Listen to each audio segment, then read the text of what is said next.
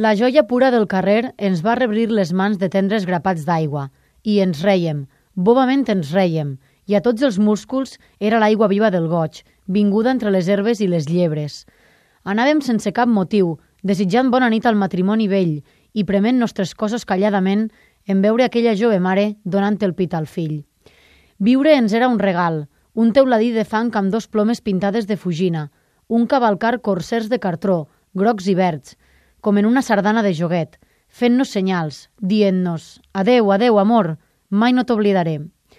La vida ens era una sorpresa, una granota viva a la butxaca, una cúpula enorme de cristall, un silenci, un desig rebent, un estupor, un rellotge parat que algú ens havia donat perquè a la fi el poguéssim obrir, com des de nins volíem, i no tenia res interessant a dins. I ens tornarem a riure. El temps estava en l'aire i allargàvem les mans cercant grapats de temps, però el temps tampoc no era. Només era la joia del carrer i els crits gol, gol dels infants que jugaven al futbol en sortir de l'escola.